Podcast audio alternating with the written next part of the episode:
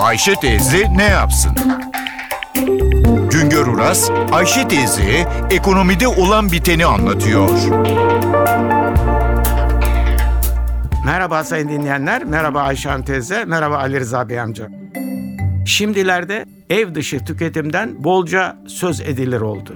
Ev dışı tüketim deyimi insanların evleri dışındaki yemek, içmek için yaptıkları harcamalar için kullanılan bir deyim. Yaşam standartlarındaki değişim nedeniyle insanlar ev dışında yemek ve içmek için giderek daha fazla para harcamaya başladı. Otel, hastane, okul, pastane, restoran, kahve, büfe, çay bahçesi, pizzacı, dönerci ve de çalışma yerlerindeki paralı ve parasız lokanta ve kafeteryalardaki yiyecek içecek tüketiminin hepsi ev dışı tüketim sayılıyor. Şimdilerde ev dışı tüketimin yıllık cirosu 50 milyar lira dolayında. Cirodan en büyük payı öncelikle konaklama tesisleri, daha sonra da hızlı servis veren lokantalar alıyor.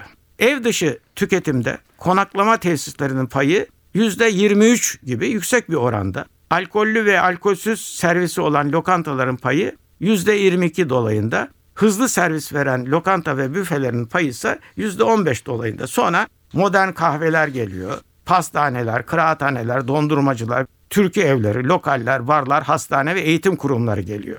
Ev dışı tüketim alışkanlığı ve harcamalarının artmasının önemli nedenleri var. Bir, çalışan insanların geliri artıyor. Ekonomideki gelişmeler dışarıda yemek yeme alışkanlığını ve de mecburiyetini arttırıyor. Tek çocuklu hanelerin artması, üniversitelerin artması, yaşam tarzındaki değişim, şehirlerde hayatın erken saatlerde başlaması, geç saatlerde eve dönüş mecburiyeti, kadınların iş hayatında aktif olarak rol almaları, dışarıda yemek yemek alışkanlığını arttırıyor. Hızlı servis veren lokanta ve büfelerde ortalama kişi başı harcamanın 8 lira dolayında olduğu hesaplanmış. Ama günümüzde İstanbul, Ankara gibi büyük şehirlerde, büfelerde 3 liraya ekmek veya dürüm içi tavuk döner veya seyyarlardan aynı fiyata pilav üstü tavuk ile karın doyurma imkanı da var. Ev dışı yeme içme alışkanlığı artınca ülkedeki yiyecek içecek işletmelerinin sayısı da arttı.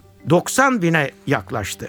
Ama bu yiyecek içecek işletmelerinin yarıdan fazlası küçük işletmeler, çalışanları 3 kişiden az olan yiyecek içecek işletmeleri. Bir başka söyleşide birlikte olmak ümidiyle şen ve esen kalınız sayın dinleyenler. Güngör Uras'a sormak istediklerinizi ntvradio.com.tr adresine yazabilirsiniz.